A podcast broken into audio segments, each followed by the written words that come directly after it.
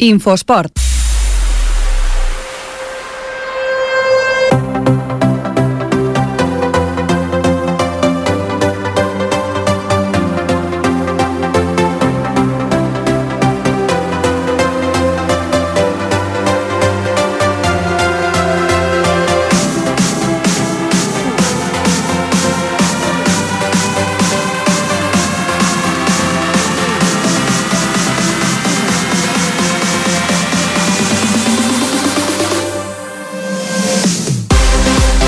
Molt bona tarda, benvinguts a l'Infoesport, el programa radiofònic de l'actualitat esportiva de Ripollet. Avui, 4 de novembre, ens aproparem, com cada setmana, al que ha passat a les pistes i als camps on han jugat els nostres esportistes i els nostres equips. Uns camps on, lamentablement, massa sovint es viuen escenes que desmereixen l'esport. Aquest cap de setmana ho vam poder veure al camp de l'Industrial, en el partit entre el Pajaril i el Marina, quan l'afició visitant va llançar una bota al camp. Però ja és massa habitual escoltar als camps de futbol insults als àrbitres i a les seves famílies és del tot lamentable, s'equivoquin o no, perquè no es fa amb els jugadors, perquè s'ha de fer amb els àrbitres, i si estan a la categoria que estan, doncs van al nivell que tenen, no se'ls pot demanar més. És que, és trist que hi hagi gent que aboqui les seves frustracions al voltant de l'esport. Cal erradicar aquestes actituds als camps, a tots els camps. Una cosa és animar el teu equip, fer pressió al visitant i fins i tot a l'àrbitre, però les amenaces i els insults no es poden tolerar de cap manera. Dit això, encetem el que de veritat és l'essència de l'infosport, que és apropar-nos i apropar-vos al que fan els nostres esportistes i els nostres clubs. Arrenquem amb els resultats d'aquest cap de setmana. El marcador. I per fer el repàs del marcador tenim el nostre company en Marc Mata. Marc, bona tarda. Bona tarda, Òscar. Doncs comencem pel futbol, oi? Sí. A segona catalana, nou triomf del club de futbol Ripollet que ha guanyat 5 dels últims 6 partits. Premià de dalt 0, Ripollet 1. Igual que la setmana anterior, un gol d'Abdel dona la victòria per la mínima a l'equip de David Ortiz. L'equip escala a la segona posició de la classificació a només un punt del liderat, que ausenta un, car un Carmelo també en ratxa. Baixem cap a la tercera catalana. El Pajaril suma 3 partits seguits sense perdre per primera vegada a la temporada. Peña Deportiva Pajaril 2, Marina 2. Eros Blanco avanç, avançava l'equip, però el rival remuntava i un gol visitant en pròpia porta en el minut 78 deixava l'empat final. Després de 9 jornades, l'equip suma 9 punts. Seguim a tercera catalana. L'escola Futbol Base suma 4 partits empatats des que va començar la temporada. Escola Futbol Base Ripollet 1, Penya Barcelonista Sant Celoni 1. El gol de l'equip local en el minut 17 va fer que el marcador es quedés amb un empat. Després de 9 jornades, l'equip porta només 8 punts i va en la posició 14 en la classificació. Baixem una categoria més. A la quarta catalana, el filial de l'Escola Futbol Base segueix sense trobar el camí del triomf. Escola Futbol Base Ripollet B, 1, Veterans Catalunya 2. Un gol de Dani avança als ripolletens al quart d'hora, però el rival remunta abans del descans. L'equip només ha sumat un punt en sis partits i és penúltim. Just per sota la classificació, en, aquest mateixa, en aquesta mateixa categoria de quarta catalana i en aquest mateix grup 15, eh, segueix al fons de la classificació el Camp Mas, després de sumar una nova derrota. Fundació de Esportiva Grama 7, Camp Mas 0. L'equip encaixa una nova golejada i ja porta 47 gols en contra en 7 jornades. L'equip ha perdut els 7 partits que ha jugat i tanca la classificació sense puntuar. Deixem el, el futbol masculí federat i anem a repassar la Lliga Acdea, on el Lander Ballano s'ha acostumat a guanyar. Lander Ballano 7, Veteranos Piferrer 3. Amb 3 gols de Belmez, dos de Juan Pablo i dos, de més, i dos més d'Oriol. Quan quart triomf en, el, en, els minu, en els últims 5 partits que situa l'equip cinquè a la classificació. I passem ara al futbol femení per tancar el futbol, a la segona catalana femenina no hi ha qui aturi l'escola futbol base, que segueix invicta. Poniente 2, Escola Futbol Base Femení 9. L'equip ja jugava, ja guanyava la, a la primera meitat per 2 per dos a 6. Al final, 5 gols de Tirado i un de Corral, Bandeira, Hernández i Tortosa. L'equip és líder amb 4 triomfs en 4 partits.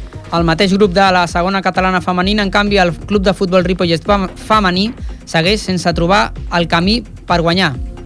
Club Futbol Ripollet femení 0, Can Buixeres 1. L'equip va perdre per la mínima amb un gol de Karen al minut 52 del maig. El Club Futbol Ripollet femení suma dos empats i tres derrotes. Passem a la pelota gran al bàsquet. Primera catalana, segona derrota de l'equip local. Club, Club Bàsquet Ripollet 58, Bàsquet Sitges 70, tercers en la classificació.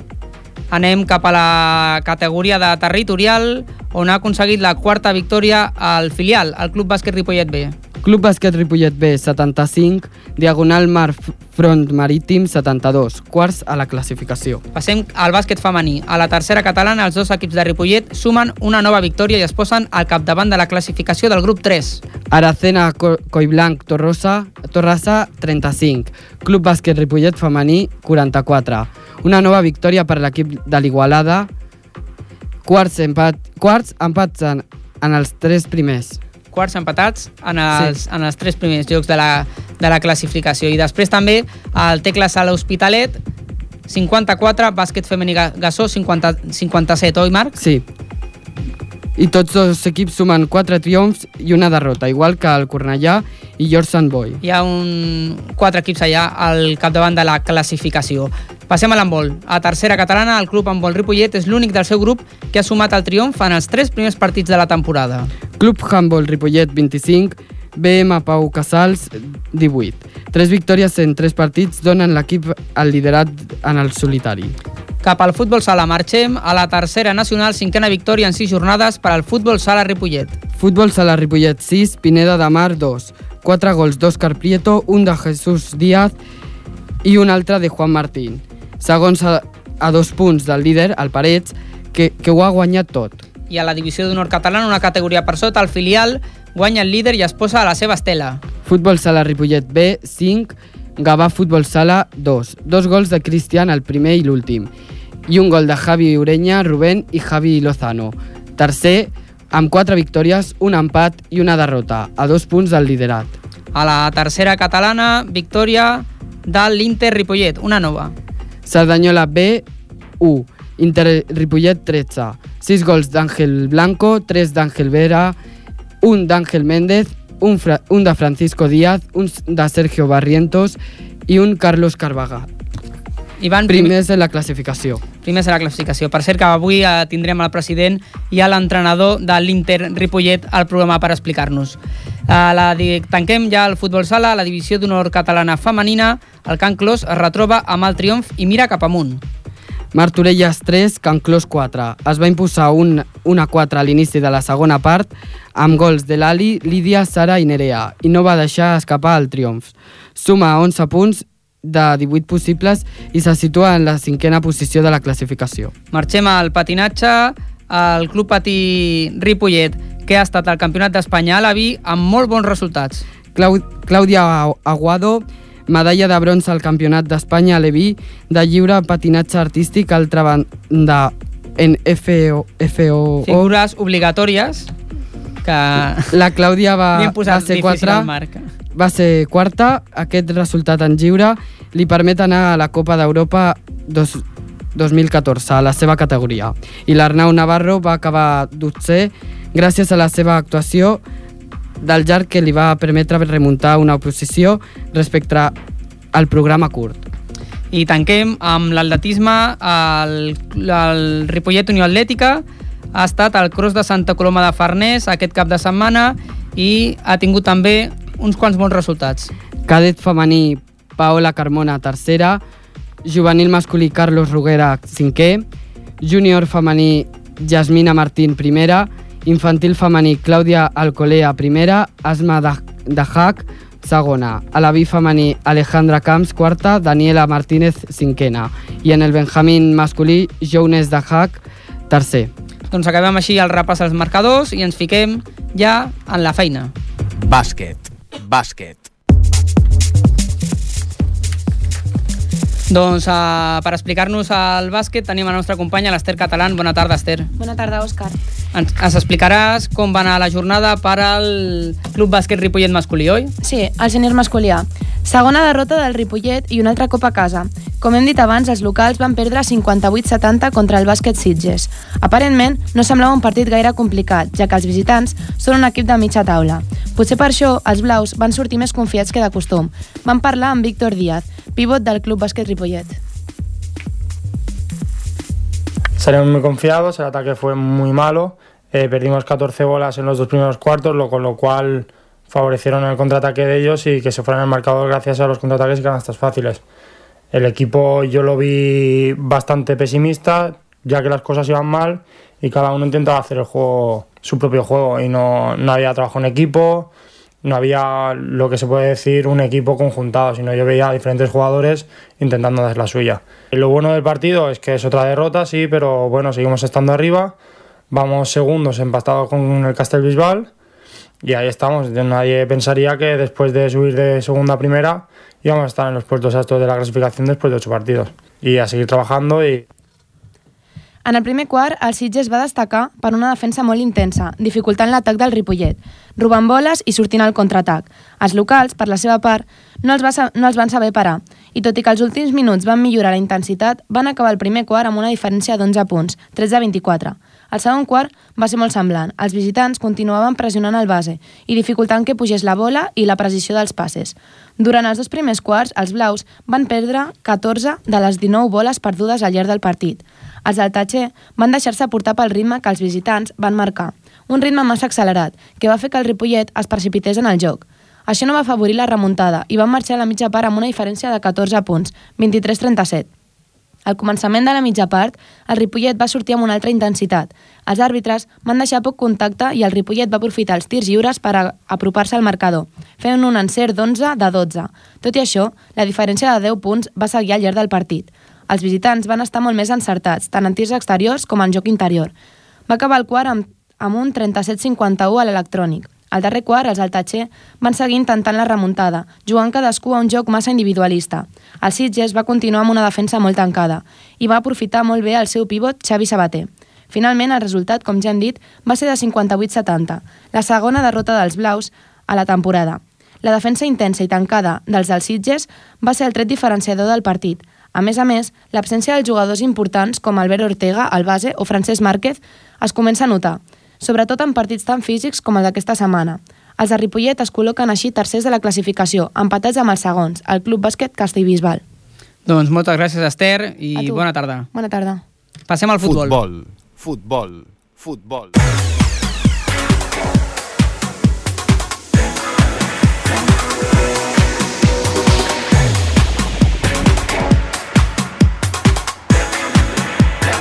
I en el futbol començarem el nostre repàs amb la jornada del Club de Futbol Ripollet, que el nostre company, el Jordi Soteres, ens explicarà aquesta tarda. Bona tarda, Jordi. Hola, bona tarda, Òscar. Mm, Crònica, la crònica del partit, en aquest cas premiada del 0, Ripollet 1, amb gol d'Abdel en el minut 30. Un partit fantàstic, trobo jo, del Ripollet, que està, està ja a un molt bon nivell i la Lliga no ha fet més que començar. Jo trobo que el més important en aquest, en aquest grup de jugadors resideix en el concepte equip. El, aquesta paraula, aquest concepte, és el que en realitat eh, fa que sigui un grup fort. Ells van tots a mort, eh, s'ajuden i són extraordinàriament solidaris, i això és el seu gran èxit. A Premià van destacar, de fet, van destacar tots els jugadors, però especialment Dani Cuesta, que és un porter espectacular. Va tenir tres intervencions, un contra un decisives. És un jugador, és un jugador que, que aquesta paraula, eh, és un porter jugador, perquè toca molt la pilota, tots els seus companys se n'enfien molt d'ells i en realitat és eh, fantàstic perquè l'aprofiten molt com a tercer home. El concepte tercer home amb aquest porter és, eh, els, en, en l'equip li va realment bé.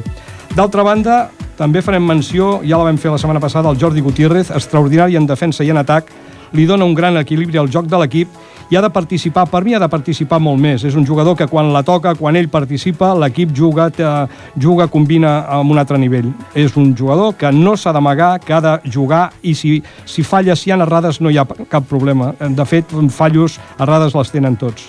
Destacar també el Quim i l'Abdel per la gran jugada del gol. Eh, a part de que van lluitar molt, moltíssim durant tot el partit, un gol que, eh, una pilota que caça Quim, a, a davant dels dos centrals, els hi posa la pilota darrere i l'Abdel surt, encara un contra un, el porter, i el bat per baix. Molt, molt bon gol, en realitat molt bon gol. Aquest Abdel, dos gols, han sigut sis punts en els dos darrers partits. L'equip té clar el que pretén en cada partit, que és guanyar, i ho fa tot per lograr-ho. És admirable, són uns futbolistes fantàstics que amb les seves mm, mm, qualitats saben perfectament com han de jugar. La clau, no, creure no, no s'ho creuen mai i seguir així. De moment no s'ha aconseguit res. Bueno, bueno, es aconsegueix jugar millor cada partit, que és molt important. Que els, hi gust... que els hi agradaria als jugadors? Que la gent de futbol de Ripollet vagi a veure els partits de l'equip i els animi com mereixen uns futbolistes que juguen amb unes ganes i una intensitat que dona gust. Ànim, xavals! I avui em sembla que tindrem també algun jugador del Ripollet per parlar-ne, no, Jordi, sí, del avui, partit? avui tindrem el Dani Cuesta, precisament el porter, ja dic que és un porter sen senzillament espectacular. Sí. Em sembla que el tenim a l'altre costat del telèfon. Dani, bona tarda. Hola, buenas tardes. Hola, buenas tardes, Dani, ¿qué tal? Vamos a ver, no sé si has oído la previa y te, en realidad tienes una gran virtud que es tu juego con los pies, del cual hablaremos hablaremos luego, porque es muy importante para mí. ¿En qué equipos has jugado, Dani? ¿En qué equipos y categorías antes de llegar a Ripollet? Bueno, empecé jugando en, la escuela del Pubilla Casas. Después de allí me fichó el español tres años, de Benjamín B, Benjamín A y Alevín B. Después estuve en el Cornellá, que coincidí con David Ortiz, en el Alevín B, en el Alevín A. Y después en el Infantil B con el Cornellá en Infantil a Badalona, cadete B, cadete A División de Honor en Vilasar de Mar y después un año, tres años de Liga Nacional, eh, uno en Castelldefels y dos en Mollet. Mm, ¿Has jugado cuando eras más joven, porque eres muy joven, en alguna posición que no sea portero? No, no, siempre de portero. Ya, ya, bueno. Mm, realmente, para mí, mm, tu virtud es curioso, porque el portero, la virtud, la virtud es con las manos. Pero yo creo que eres muy bueno con los pies, algo que pocos porteros tienen. Es muy importante para un equipo tener un portero con esta calidad para mí, para el juego que a mí me gusta, que puede ser utilizado como tercer hombre concepto.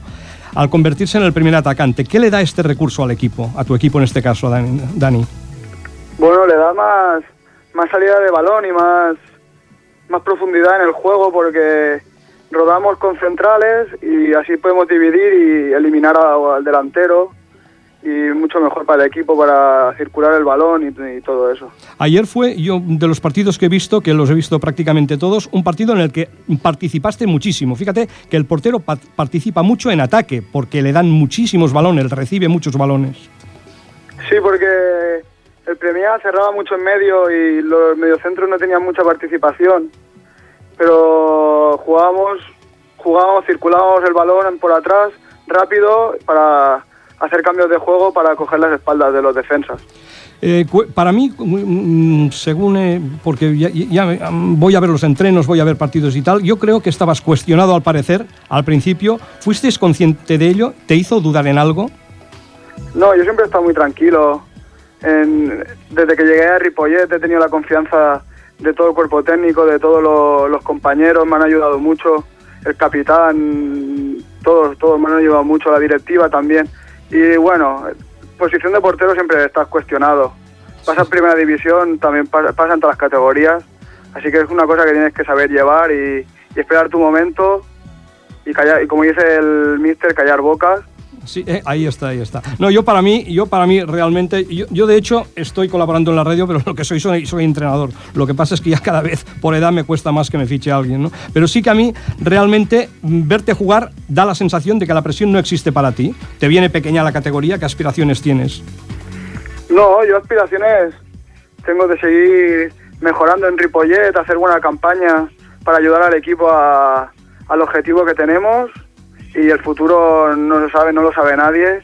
Seguir uh -huh. trabajando y mejorar como portero y como persona ahí en Ripollet. Pues te felicitamos, Dani, porque eres un portero muy joven y que, que, lo, que está demostrando que, que, lo puede hacer bien. Y el hecho, por ejemplo, es que en estos últimos tres partidos pues no has encajado ningún gol, ¿no?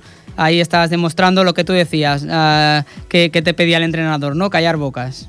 Sí, gracias a trabajo de la defensa también de los compañeros, del medio centro, de todo. Se empieza a defender por el ataque y se acaba la portería y, y estamos trabajando bien en ese aspecto y estamos tranquilos. Pues a ver si sigue saliendo bien ese trabajo y esos resultados. Muchas gracias, Dani. Buenas tardes. Buenas tardes. Gracias, Jordi. Gracias a tu, Òscar. Doncs passem a la tercera catalana, des de la segona passem a la tercera i el nostre company en Marc Mata una altra vegada. Marc, bona tarda. Bona tarda, Òscar. Ens explicarà com va anar el partit de l'Escola Futbol Base. Sí, l'Escola Futbol Base Ripollet es va enfrontar a casa a la penya barcelonista Sant Celoni amb un marcador d'un a un en un partit dominat per l'equip local ja que el resultat no va acompanyar. Un maig molt treballat pels d'en Guillermo Andrés. Des del mig camp amb dos davanters en punta que van crear moltes ocasions de gol durant els 90 minuts. Així, es va poder gaudir d'una escola de futbol base Ripollet volcat a l'atac fins l'últim minut de joc. El, joc. el gol visitant va arribar en el minut 10 de penal, en el que aquest va marcar el que seria el seu únic gol. És en el minut 17, quan l'equip local va, va marcar el seu gol. Gol marcat en el refús de la defensa de l'equip contrari, a un tret d'en Joel Andrés i marcat per Diego Pérez. La primera part va acabar amb el que seria el marcador definitiu, 1 a 1. A la segona part, el partit va continuar dominat per l'equip local. La jugada més notable va ser en el, en el tret al travesser després d'un impressionant refús del porter visitant. Quan va acabar el partit vam poder parlar amb Diego Pérez, jugador de l'Escola Futbol Base Ripollet. ¿Cómo se encuentra el equipo anímicamente? A ver, anímicamente estamos bien porque sa- sabemos que podemos sacar las cosas adelante, pero las cosas no están saliendo y el equipo se viene abajo muy rápido. Sabemos que podemos dar más y no. Parece que no lo estamos dando todo y el equipo lo quiere, pero no, no sé, no podemos. No sé qué está pasando. Un partido jugado, dominado por vosotros, con un gran trabajo en medio campo, pero con poca suerte de cara a la portería, ¿no? Sí, es que apenas, apenas hemos chutado a portería. Hemos chutado con tres veces la del gol, una que he fallado yo y otro disparo que se ha ido por bastante, pero poco. En ataque pf, hacíamos las jugadas, pero no llegamos a, a finalizar. No sé qué nos pasa. Sois un equipo que tiene 14 goles, pero también habéis encajado 20. ¿Hay que mejorar el mediocampo? No, a ver, más bien son siempre lo- la mayoría de los goles que han sido, diría yo que el 60-70% han sido por jugada a balón parado. Nos la han tirado a balón parado y ahora que hemos puesto defensa en zona, pues parece que las cosas van mejor, pero los primeros goles, estos, o sea, todos los goles estos han sido del partido de Salañola, nos metieron unos cuantos y poco más. Os mantenéis cerca de la zona, de la zona baja. ¿Cómo lo veis? No queríamos mirarlo desde aquí, desde el principio de temporada, pues siempre tenemos la ambición para mirar para arriba, pero ahora que estamos aquí, pues hay que intentar sacar las cosas, porque desde aquí se ve de otra forma, de abajo. Un resultado injusto para un equipo que habéis luchado hasta el final, ¿no? Sí, a ver, es que ellos han tenido. Es que por- yo no he visto ninguna ocasión. Ha sido el penalti, depende del árbitro como lo haya visto, y poco más. O sea, yo creo que no merecíamos la victoria. Hemos tenido más dominio, incluso más ocasiones. Dentro de lo que hemos tenido es que ellos han tenido ninguna, y dentro de lo que cabe hemos tenido más nosotros. Pues muchísimas gracias y mucha suerte. Venga, a ti. Bueno, recordem que després de 9 jornades eh, només porten 8 punts i van a la, a la, als 14 en la classificació. Esperem que tinguin més, més bona sort en els pròxims partits. Doncs així, que així sigui. Gràcies, Marc. De res. Seguim amb el nostre company, el Brian Calvo. Brian, bona tarda. Bona tarda, Òscar. Continuem a la tercera catalana de futbol i ho fem amb el Pajaril. Sí, recordem que el Pajaril va empatar aquest dissabte 2 a 2 contra la Marina. Els golejadors van ser Eros al minut 24 fent l'1 a 0 i Raül va fer al, al minut 78 l'empat a 2. Eh, es situa l'equip ripolletenc en 14a posició amb 9 punts de 27 possibles i recordem que la, pròxim, la propera jornada, la decena, jugaran fora de casa contra el Can Boada. I tenim com a entrevistat a l'Ivan Jiménez. Hola, Ivan, bona tarda. Hola, buenas tardes. Eh, a l'inici del partit us vau posar per davant, després el Marina va remuntar i finalment ho vau contrast, contrast- contrastar amb, amb l'empat. Creus que vau salvar un punt o que es vau perdre dos? Hombre, visto por lo visto, yo creo que finalmente perdimos dos puntos, porque realmente en la primera parte estuvimos un poco nerviosos, irregulares, pero bueno, esta gente de la Marina tuvo dos contras, eh, casi clavadas iguales, metieron dos goles en cinco minutos, Sí. y la segunda parte la verdad que fue un asedio nuestro por, por parte nuestra y fallamos eh, infinidad de ocasiones. Fue un partido, la verdad es que bastante intenso, que finalizó con hasta seis tarjetas amarillas, expulsión incluida del equipo rival a falta de cinco minutos. ¿Crees que el árbitro respondió bien a, a las acciones de peligro? Eh, bueno, al Iván se le pudo escapar un poco de las manos, pero yo creo que el, el, el- colegiado, no sé, actuó a, a su manera de, de ver, de ver el encuentro. ¿vale? El partido estuvo intenso, pero bueno, eh, no sé, creo que el equipo de la Marina eh, igual ha empezado a perder un poco los papeles, pero bueno, en fin, no sé. Sí, Ahí a- queda la cosa. A raíz de esto, comentar que al final de partido hubo un incidente de, de la afición rival que lanzó una bota y, Sí, y que sí, tuvo que... una Sí, sí, bueno, explícanos un poco con detalle qué pasó. Bueno, nada, expulsaron a un jugador de la Marina y faltando no sé cuántos minutos, poco la verdad, que a falta de, falta de término del partido. Y no si el mismo jugador que expulsaron desde la grada lanzó las botas hacia el campo, no le dio a nadie, gracias a Dios, ni al, al colegiado tampoco. Pero nada, el colegiado dijo que hasta que no viniese la fuerza, la policía vaya, o que no, no acababa el partido. Y es lo que pasó. Tuve que venir los Mossos de escuadra y quedaban nada, 5 o 6 minutos y para poder acabar el partido simplemente. Pero bueno, tampoco fue a más, tampoco. La gente un poco increpando del, del equipo rival, de la acción rival ahí achichando, normal también por un lado, pero tampoco fue un altercado bastante brusco, digamos, ¿sabes? Sí, bueno, dejando de lado este hecho antideportivo, la verdad, el inicio de temporada que estáis teniendo es- está siendo complicado, sobre todo a efectos clasificatorios. ¿Qué crees que tiene que mejorar el equipo? Bueno, pues como tú dices, hemos empezado un poco regular, tirando hacia mal, digamos, ¿no? Pero bueno, yo creo que el equipo de estas últimas tres, cuatro jornadas ha, cogido un aire, un buen aire fresco y vamos hacia arriba. Lo que tú dices, resultados nos acompañan, nos ac- acaban de acompañar, pero lo que es el juego y las ganas del equipo y la intensidad se está mostrando que de los primeros partidos a ahora hemos cambiado bastante. Y nada, yo creo que es un poquito de suerte que nos acompañen los resultados y a la que tengamos dos o tres resultados bastante positivos, podremos hacer una reunión hacia arriba en la, en la tabla de clasificación, ¿sabes? Sí. Eh, ya en tu papel individual en el equipo, ¿estás cómodo con la función que tienes? Sí, sí, estoy cómodo, soy digamos, el, el veterano del equipo y, y bueno, aporto mi granito de arena, ¿sabes? Con, con, con mi veteranía, mi experiencia y bueno, estoy contento, no puedo quejar. Ahí voy, ahí voy, luchando para poder jugar todo lo que pueda, aunque tenga mi edad, yo siempre quiero jugar, darlo todo lo que puedo, el máximo posible y, y bueno, ahí estoy esperando mi oportunidad cada fin de semana para poder jugar. Ya, ya para finalizar, eh, la próxima jornada, como he dicho antes, contra el Camboada, ¿qué predicción haces del partido? ¿Qué posibilidades ves de ganar? Bueno, a ver, el Camboada está, está no, creo que va quinto en sexto lugar de clasificación, parece que está ha empezado bien, pero bueno, vamos a ir con todo, a darlo todo y a ver si podemos dar la sorpresa y eh, conseguir nuestra, nuestra primera victoria fuera, fuera de casa, ¿sabes? Y a ver si Vale, ya damos un buen arreón hacia arriba ya. pues os, des- os deseamos mucha suerte y a ver si cumplís el objetivo para la temporada. Muy bien, pues muchas gracias. Venga, Adeu. un abrazo. Gràcies, Adiós. Ivan. Chao, chao. Doncs canviem d'esport. Gràcies, Brian. Gràcies, Òscar. I ens anem cap al futbol sala. Futbol sala. Futbol sala. Futbol sala. Obrim aquesta finestra del futbol sala i ho fem amb una altra bona notícia perquè el futbol sala Ripollet va guanyar, va guanyar dissabte el seu partit davant el Pineda per 6 gols a 2. És la cinquena victòria en 6 jornades per a l'equip del Nico Seoane. Els ripolletens van dominar amb suficiència la primera meitat, però les primeres ocasions del partit van ser per als visitants. Això va esperonar l'equip local que sempre que està en pista Òscar Prieto va escolar al seu voltant a la recerca de la porteria visitant. Els del Maresme Pro es van mostrar ordenats i el primer gol ripolletenc va tardar en arribar uns 11 minuts. Va ser de Jesús Díaz amb una assistència magnífica d'Ivan. Juan Martín va tenir el segon va anar al pal i amb dos equips van demanar sengles temps morts per intentar variar la situació als últims minuts de la primera meitat. El que es van portar el gat a l'aigua va ser el Ripollet, que va marcar dos gols als tres últims minuts de la primera meitat. Tots dos, d'Òscar Prieto.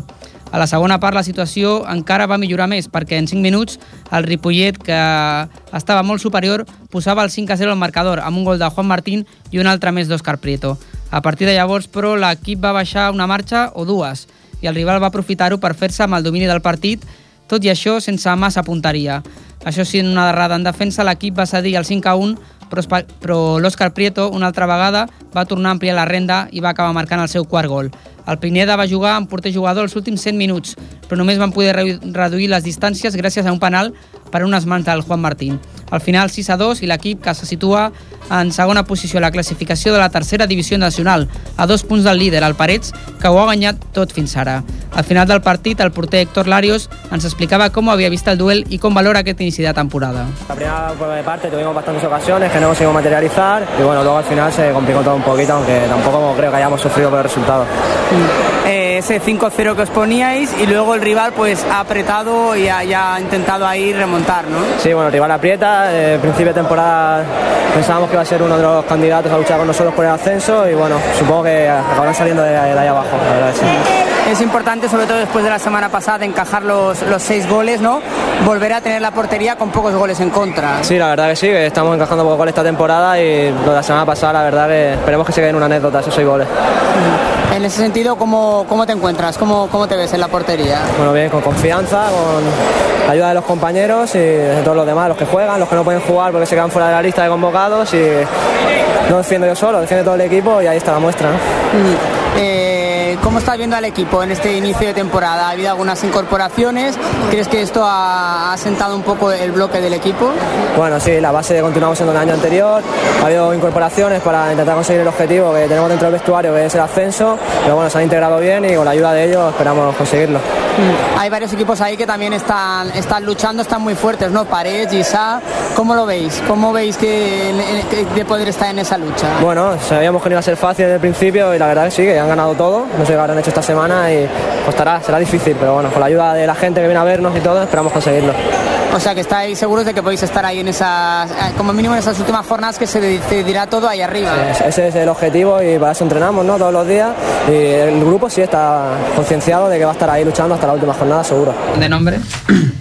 doncs ens ha agafat aquí parlant, eh? I tot i això que el Jordi ens ha avisat. Uh, estàvem parlant perquè tenim uns invitats aquesta tarda. Uh, seguim amb el futbol sala i la nostra companya la Mèriam.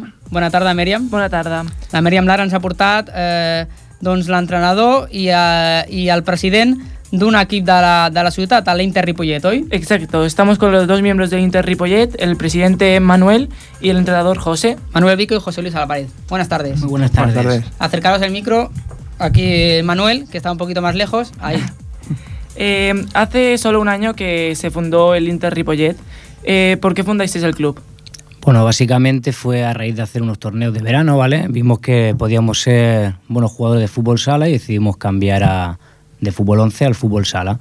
Todos eran de fútbol 11 y bueno, hicimos un poquito de familia entre nosotros, vimos que nos lo pasábamos muy bien y iniciamos este proyecto, ¿vale? Lo estuvimos hablando bien y chavales jovencitos pues decidieron ir todos juntos y a raíz de todo esto pues seguimos aún. ¿Y eres de diferentes equipos o, era, o Sí. jugáis todos en el mismo? Eh, no, jugábamos algunos en el ADFUB, otros jugaban en el Ripollet también, eran juveniles. Luego otro chico también del Ripollet de fútbol sala se incorporó este año, también juvenil. Y bueno, básicamente del pueblo.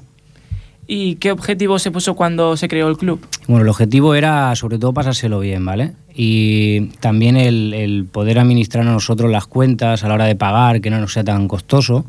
Y bueno, pues era básicamente el hacer un equipo, lo que pasa que luego vimos que había resultado, y entonces pues es un proyecto Ujú. que hay ilusión. Optasteis por, eh, por una categoría federada, de todas maneras. Sí, ¿no? queríamos federar porque nosotros siempre hemos estado federados jugando, no queríamos pasar a, a algo de, de empresa, liga de empresa y nada de esto, queríamos seguir con intensidad y no perder. Piensa que todos los jugadores, la media es de 20 años, entonces mm, se pueden echar un poquito a perder el- lo que es el futbolísticamente si no entrenan bien. Ujú. Habéis empezado muy bien la temporada y sobre todo con este último partido. ¿Cómo veis el transcurso de la temporada? José Luis, venga, tú. Bueno, pues la, la temporada se presenta un poquito ajustada porque bueno, hay, hay varios equipos que estamos un poco ahí luchando arriba. Ahora mismo estamos tres equipos igualados a, a 12 puntos, lo más alto.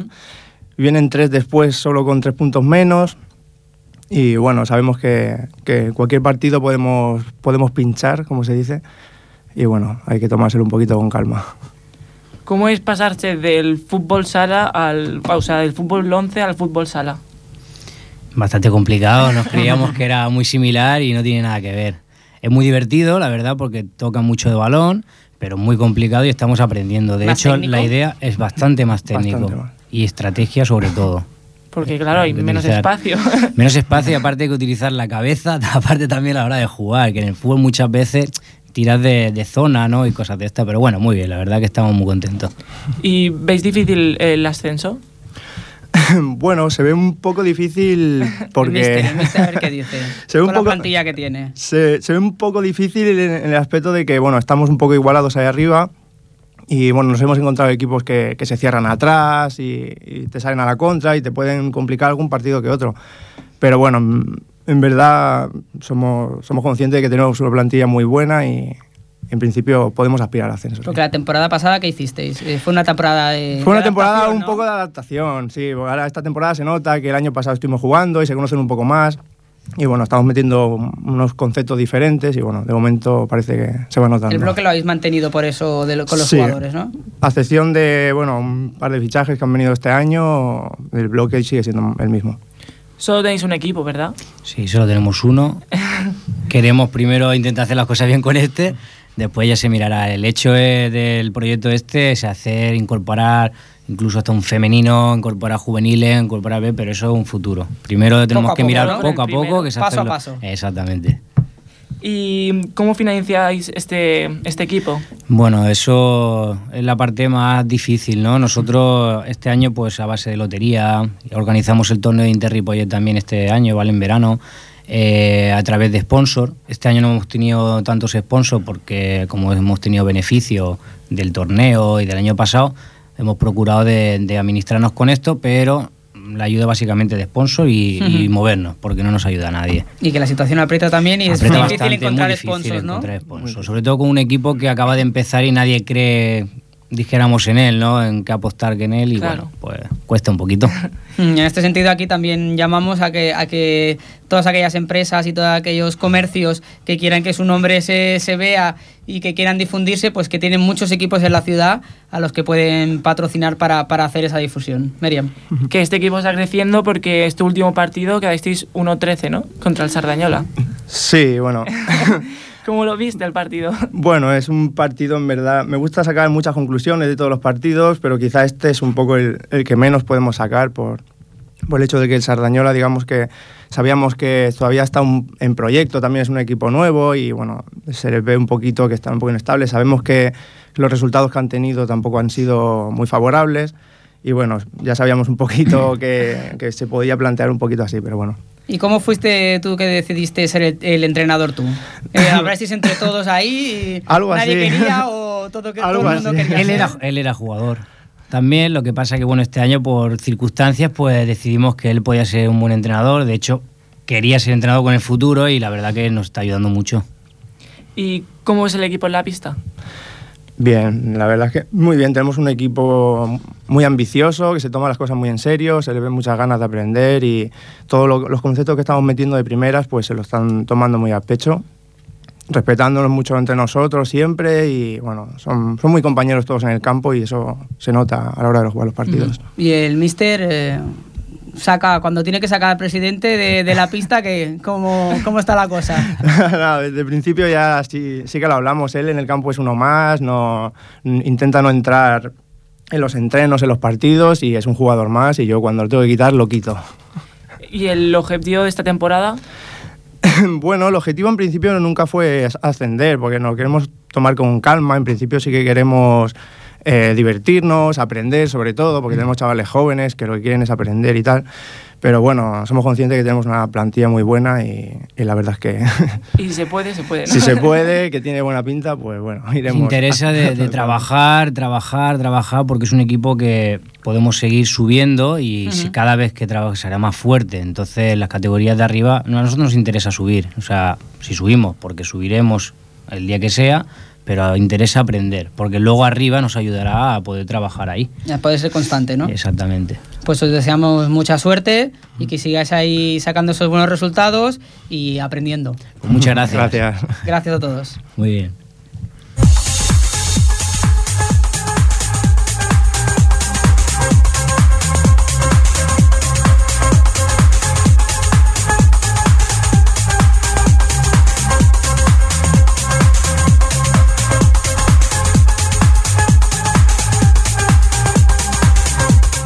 I continuem, canviem d'esport, això sí, anem amb a l'handbol amb el nostre company, el Ferran Rigat. Ferran, bona tarda. Bona tarda, Òscar. Explica'ns. Doncs tornem a ser aquí amb una altra victòria de l'handbol Ripollet. Uh, torna guanyant uh, per tercer cop consecutiu aquest inici de temporada i l'equip dirigit per Santi Llop es va imposar a casa al Pau Casals per un 25 a 18 en un partit un tant convuls. Els locals van començar fluixos i es van trobar amb una defensa molt ben treballada per part dels saba- sabadellencs. Al primer quart d'hora, els ripolletencs es van espavilar i a poc a poc es van distanciar en el marcador fins a arribar al descans amb una diferència de 14 a 8. La reanudació del partit eh, va ser un tan modeta, el partit a poc a poc es va escalfar amb el joc brut dels rivals fins al punt que va haver de, de, es va haver d'avisar les forces de seguretat. déu nhi uh, per culpa d'un aficionat rival. Aquest energumen, per tillar-lo d'alguna manera, va començar a increpar a l'àrbitre una jugada, el col·legiat va aturar el partit i va demanar a la gent del club una mica de seny. Però l'aficionat eh, no va atendre raons fins que va, no van aparèixer els Mossos d'Esquadra. Després d'aquest incident, el partit es va reprendre amb la mateixa dinàmica i un Pau Casals que va estar mm, a un molt bon nivell mm, perquè s'esperava. Doncs moltes gràcies, Ferran. Em sembla que tenim a l'altre costat del telèfon a un dels jugadors de, del club d'handbol Ripollet, oi? Així és, tenim a l'Adrià Jordana, capità de l'equip. Bona tarda, Adrià. Bona tarda. Com va? Molt bé, molt bé. Uh, doncs res, per demanar-te una mica l'opinió del partit, més, primer per aquest començar per aquest incident, uh, que ens expliquis una mica més com es va viure des del camp, des de... Des de... Bueno, tu en aquell moment estaves a la banqueta, explica'ns. Sí, bueno, el partit anava normal, entre els jugadors no hi havia gairebé cap problema, tot va ser culpa dels aficionats rivals, no sé. La gent es creu a vegades que va, va com a alliberar tensions als pavellons i Sí. a insultar la gent, i això, mira, no, la veritat és que no, no està gens bé, però bueno. Sí, sí, des, del camp, de- des del camp amb els jugadors no va haver cap problema, tot va ser molt tranquil, molt esportiu i, la veritat, tot va anar bé. Ja ho dèiem al principi del programa, que hi ha gent que, que, no, que no entén el que és l'esport, que va alliberar-se totes les seves tensions allà i que això no beneficia precisament a l'esport ni als esportistes. Sí, sí, és que és això. Uh, com creus que hauria d'actuar la federació com, que l'ens regulador, com a ens regulador en aquest tipus de- de- de- d'energúmens? Bueno, la veritat és que la federació aquí poc té a fer, la veritat, perquè és la pròpia gent la que ha d'iniciativa pròpia, ha de comportar-se de manera raonable. La federació, com a molt que pot multar el club, però el club tampoc té culpa. És la gent que va als camps i es comporta d'aquesta manera.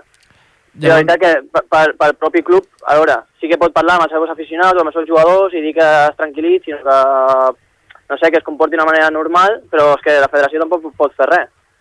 Mm, és un treball més de club, llavors. Sí, sí, sí. I de, i de, la, pròpia, de la pròpia població, de la, la gent ha de pensar que va als camps a animar els seus o a veure un, un esport. No com si estigués al Bernabéu o al Camp Nou a insultar la gent. I que es pot, es pot pressionar sense arribar a l'insult, a les amenaces i aquestes coses. Clar que sí. Sempre amb, amb educació o es va a tots els llocs. Ah. No, no s'arriba a cap lloc així. Entrem una mica més en el que és el partit. Uh, veu començar una mica fluixos, veu començar empatant, llavors es van, es van imposar ells, però ràpidament us veu, veu començar, veu tornar a redirigir-vos. Uh, creus que us falta una mica més de pressió als inicis del partit, pel que teniu vist, o Potser- és un fet puntual? A veure, potser va venir també de la setmana passada, que va ser un partit bastant, bastant fàcil. Van guanyar de, de 20 gols a Balsareny. Anàvem una mica així, amb la, amb, vam continuar amb la calma de, del nivell de joc de l'altre dia. També es va sumar que teníem dues lesions importants de, de dos, de, dos primeres línies i també es va notar una mica en el joc. Sortíem com una mica més nerviosos, però bueno, després, com has dit tu, a partir del segon quart de la primera part vam començar a apretar una mica més i la segona part ja va ser bastant, bastant fàcil. Vam arribar de 10 gols a dalt, em sembla, en algun moment, sí. o sigui que va ser un partit, en teoria, còmode. A la Però mitja... bueno, sí, sí, que, sí que igual tens raó i hem de començar els partits amb una mica, amb una mica més d'intensitat i donant-lo tot des del començament. I suposo que es farà tot més fàcil, però bueno, també només portem tres partits i jo crec que amb el temps anirem millorant en aquest aspecte. Justament anava a recordar això, que esteu començant, tot i això ho, ho, ho porteu molt bé, i vam estar parlant amb en Santi eh, sobre la, quins havia, quin era l'objectiu eh, a principi de temporada. Tu també estàs amb l'entrenador, creus que es pot aspirar a estar dalt o s'ha d'anar si con- mirant? Si continuem amb aquest nivell, jo crec que sí que podem aspirar a estar entre els tres primers. També és cert que hem començat jugant contra dos equips que, que ara encara no, no han aconseguit cap victòria, però bueno, jo crec que si, si continuem amb aquesta dinàmica de joc i anem millorant, els, els nois que han pujat al juvenil agafen també el nivell que tenim els del sènior i continuem així, jo crec que jo crec que sí, que es podria aconseguir estar entre els tres primers. Clar, la lliga és molt llarga i tampoc podem dir ara una cosa i després igual a, a, abans de Nadal o quan tornem de les vacances igual el nivell baixa. no ho podem dir mai, però bueno, jo crec que sí, que si continuem així pot ser una bona temporada. Doncs ho deixem aquí, Adrià, moltes gràcies. Molt bé, gràcies a vosaltres. A animar-vos a que seguiu aquesta línia i animar també a la gent de Ripollet que vagi a animar l'handbol, però amb una tònica més suau, no? Quan jugueu, Sí, sí, que... Digue'm, digue'm. quan jugueu vosaltres? Els diumenges? Sí, normalment juguem els diumenges al matí. Doncs el diumenge al migdia que estigui ja la gent animant-vos. Molt bé, moltes Gràcies. gràcies, eh? Bona tarda. Bona tarda.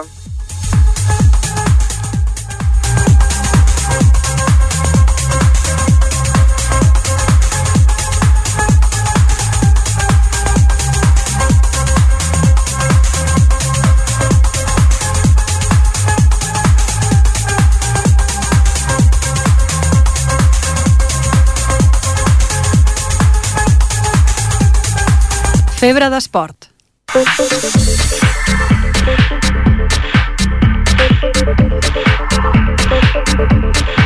Doncs acabem, com sempre, amb la secció Febre d'Esports. Tenim aquí el nostre company una altra vegada, el Jordi Soteres. Jordi, bona tarda. Hola, què tal? Bona tarda altra vegada. I tenim aquí amb ell uh, uns jugadors de alevins del club de futbol Ripollet, oi? Sí. Per què? Els tenim aquí? Perquè el divendres es va fer la, la presentació de la temporada del club i amb ells ha vingut el coordinador del club, el Francesc Inglada. Francesc, bona tarda. Bona tarda, el coordinador de Futbol 11. El coordinador de futbol 11. Aquí tot precís, eh? Sí, que home, ningú, ja- que ningú se senti ofès Hi ha després. més companys, està clar. Com va anar aquesta, aquesta presentació? Quants, quants nens teniu allà a l'escola? Bueno, 270 nens. Déu-n'hi-do. Llavors, entre coordinadors i entrenadors, passen de 300 persones que van fer la presentació. Una presentació diferent, penso, i penso que va ser molt maca, molt acollidora. I llavors, una cosa diferent i que a tothom m'agrada, sobretot Mhm. amb ells. En les famílies i els jugadors. Exacte. Jordi. Vinga, som-hi. Uh, Francesc, es treballa perquè els jugadors es quedin al club? Jugadors del futbol base, evidentment. Jo crec que s'ha treballat tota la vida perquè es quedin en el club. El que passa que, malauradament, doncs, o per sort, hi ha altres entitats que tenen més categories i els nanos, els pares, a vegades, doncs, eh, se'n van, proven i a vegades tornen i a vegades no tornen. Però, bueno, es treballa per això. Com treballeu? Teniu un model de treball? Aquest any és el primer any des de que estic jo en el Ripollet de fa molt de temps que se segueix una metodologia per tots els equips de futbol 7 la mateixa. Penso que s'està fent un treball maco perquè els nanos ho assimilen bé, es treballa amb constància, amb microcicles que se'n Mhm. diuen, però molt bé, vull dir que s'està fent un treball molt mesurat i ben fet perquè doncs, el, tingui els seus fruits. En el futbol 11 donem més llibertat perquè ja és futbol 11 i els entrenadors són entrenadors tots titulats, inclús amb títol nacional, i llavors respectem molt dintre de la- d'un model de treball, eh? Mm, respectem molt el treball també individual dels entrenadors. Vinga, som-hi amb els nens. Us agradaria jugar de grans al primer equip del Ripollet? Qualsevol de vosaltres. Primer els noms, eh? Perquè com no els hem presentat, vinga, aneu dient el nom. Manel. Mario. Marc. Fabián. Vinga, Manel, Mario, Marc i Fabián, a veure si me'n recordo de tots. Vinga, Manel, comença tu. La resposta al que t'ha preguntat el Jordi. Eh, sí, però si és en un equip més superior m'agradaria més. Pues potser el Ripollet ja està a, a segona divisió B, eh? Quan arribis tu allà, perquè et sale bé encara. Sí, si jo aquest rima, aquest any pujarem. Què et semblen a tu també? Mario. Ua, a mi m'agradaria també arribar a jugar en aquesta categoria, però si veig que per al tema de treball i tot això ho, ho hauria de deixar, però jo no vull deixar-lo, Tu ja estàs esport. pensant en deixar-ho, home, has de pensar en jugar. No pensis en els treballs, ara has de pensar bueno, sí, a aprendre... no? m'agradaria, Ja. però és, el que diu el Manel, que també m'agradaria jugar en un equip superior, com Que- el Barça, el Madrid. Que és molt responsable el Mario, eh? Allà si s'ha de deixar, es deixa. Que l'important són els estudis i el treball. Marc. Us divertiu en els entrenaments, Marc? Eh, sí, eh, sí, ens divertim molt i sobretot ho donem tot i en els partits el mateix. Fabián, quines coses heu après fins ara? Hem après uh, algunes tècniques d'atac i de, de defensa. Ta a defensar hem après uh, algunes tàctiques com eh, el plat, que, que fem tots junts al, al mig camp. Eh, és a partir de... Bueno, eh, a és difícil de... explicar les coses Bueno, de fet, tècniques, eh? de fet, Fabián és un concepte defensiu, no? Comentàvem? Un concepte defensiu. Perfecte. Manel, què és el que més t'agrada del futbol? El que més m'agrada de futbol és aprendre a jugar millor i, i jugar a futbol. Què, què és el que més t'agrada a tu, Mario? A mi, passar-ho bé i estar amb els meus amics, amb els meus entrenadors i, i coordinadors. Perfecte. Marc. En el cas del Marc, què et sembla? Què, més t'agrada- què és el que més t'agrada del futbol? A mi el que més m'agrada és participar en equip i, i disfrutar. I en el cas teu, Fabián? Eh, a mi m'agra- m'agrada millorar la meva tècnica i estar amb els meus amics passant-m'ho passant bé. Els tenim molt, molt ben ensenyats, eh, francès, perquè el que volen és gaudir, aprendre, al final no, el de guanyar... El concepte de companyerisme, que és molt important. Tu em deies abans, Fabián, que tu ets el porter de d'un de, d'un dels alevins i el que t'agrada és jugar de, com a jugador, com a futbolista de camp, sí? Sí. Eh, m'a- M'agrada... eh, M'agradaria ser jugador a vegades eh, eh, davanter per poder marcar gols, però... Però de moment els pares, no? Us agrada, Que déu-n'hi-do. us agraden més altres esports? O potser inclús més que el futbol? No. No. No. És unànime, eh? És dir, els quatre diuen no rotund. És que si estan jugant al futbol, Jordi, és perquè ja ells hauran vist alguna altra cosa i hauran descartat i hauran dit no, no, jo, futbol, no? Sí, sí. Jo, jo trobo que el que és molt important és que us agradi, sobretot, sí, jugar algun dia en el primer equip del Ripollet. Això és el més important, sobretot pel club, perquè vosaltres i els altres nens que hi han i els jugadors que hi han són el patrimoni del club, és el, el seu valor, el seu valor sou vosaltres, i és fantàstic que digueu que, que vulgueu jugar. I d'ídols què? Teniu ídols del, del club o mirem una mica més cap amunt? Que els del club són molt nous, no?, aquesta temporada. Sí. Hi ha massa jugadors nous, no? Sí, i com nosaltres també som nous, jo, bueno, al, almenys jo, que sóc nou, no conec a molta gent. Per això jo sempre eh, miro per equips més grans com el Barça, eh, el Messi, Neymar... Vinga. Valdés. Marc, tu, els ídols. Eh, Ràpid. No tens ídols? També està molt bé no tenir ídols, perquè vol dir que t'agraden molts jugadors, no? Sí. Mario. Del Ripollet, no? Eh, a un que es diu Dani Medina, no? El Capi, no? Sí, el Capi de Ripo és el meu ídol. M'encanta. Meu també, perquè com jo també sóc central, m'agrada més. Heu vist, heu vist mai jugar un noi del poble que es diu Jordi Gutiérrez? Mireu-lo, és molt bo, molt bon jugador és el Jordi Gutiérrez. Del primer sí? equip, eh? heu de veure Alguns el primer partits- equip. A partir d'ara heu d'anar a veure, a partir d'ara heu de veure el primer equip i animar-lo. Són molt bons jugadors. Doncs moltes gràcies a tots. Gràcies, Francesc, per Gràcies, venir. gràcies Gràcies, als nois per venir també i a les seves famílies per portar-los. Ens retrobem una altra vegada el proper dilluns a partir de les 5 i 7 de la, 7 i 5 de la tarda, que volem córrer massa. Que tingueu una bona setmana. Bona Gràcies. tarda. Gràcies. Adéu.